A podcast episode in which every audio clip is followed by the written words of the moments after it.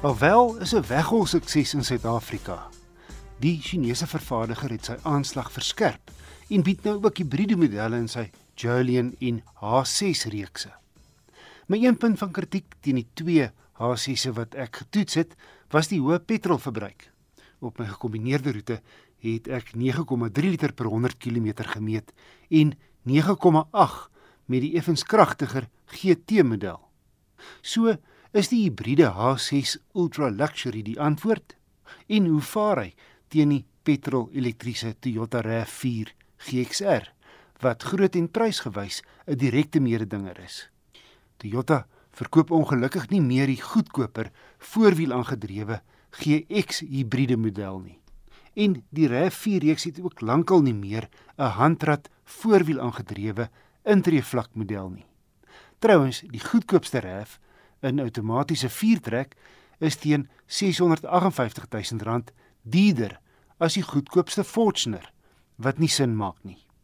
By navraag verduidelik Rian Esterhuizen, Toyota Suid-Afrika se bemarkingsbestuurder, dat hulle nie sou wou hê dat goedkoper RAVs die Corolla Cross se duurder modelle moet kannibaliseer nie. Met ander woorde, vreet aan die Corolla Cross se verkope nie. Laasgenoemde word plaaslik vervaardig, so Toyota wil soveel moontlik van die modelle verkoop teenoor die RAV wat ingevoer word.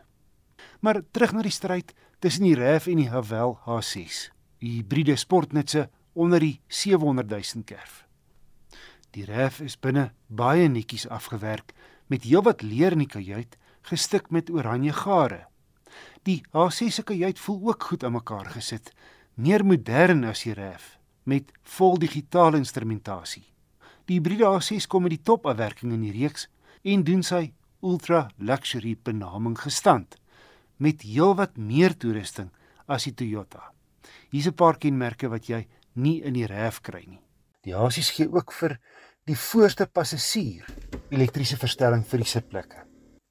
En jy kry 'n Tamai sondak wat oor feitelik die hele lengte van die dak strek en dan kan jou voorste gedeelte sien net maar die voorste 40% van die glasgedeelte kan oopskuif.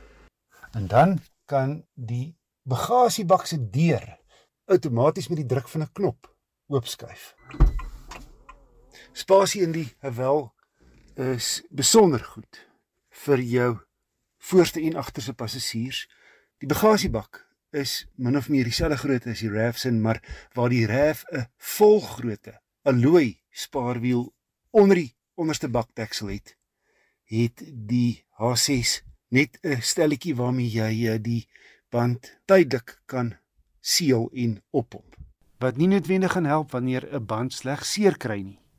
Die Toyota trek met al vier wiele, die Haval net met die voorstes. Die wonderlike van die hibriede masjiene is dat geen kinetiese energie verlore gaan nie, soos hier geillustreer in die RAV. Sodra jy voet van die versneller lig, wys 'n meter op die paneelbord dat hy liggies aan die laai is, die battery. En dan as jy rem, verhoog jy die laai tempo. Met al die remmery in tipiese stadsverkeer, laai die elektriese motor flink wat dit moontlik maak dat hibriede voertuie teen laaspoed nie van die petrolmasjien gebruik hoef te maak nie. Die RAV met sy 2.5 liter petrol en elektriese motors voor en agter het 'n uitstekende verbruik van 6,3 liter per 100 km op 'n gekombineerde stad en oop padroete gegee. Die H6 wat met 'n 1.5 turbo petrol en elektriese motor toegerus is, se syfer self baie goed 6,5 sowat 'n derde suiwiger as die ander modelle in die reeks. En 'n bonus is dat die elektriese motors hierdie hibriede modelle ekstra woe mag gee. Die RAV se ritgehalte is uitstekend. Die H6 is nogal ferm oor ongelyke oppervlaktes. Die RAV se stuur terugvoer is ook tops. Die H6 is so eff aan die vaarkant. Maar as dit kom by waarde vir geld, kry jy nie die gelyke van die hibriede Haval H6 Ultra Luxury nie. Geprys teen R670 000. Die hibriede Toyota RAV4 GXR is teen R699 000 meer beskeie toegerus. Maar hy het die Japaneese vervaardiger se reputasie van betroubaarheid aan sy kant. Nog nie gegeewe vir Chinese voertuie nie.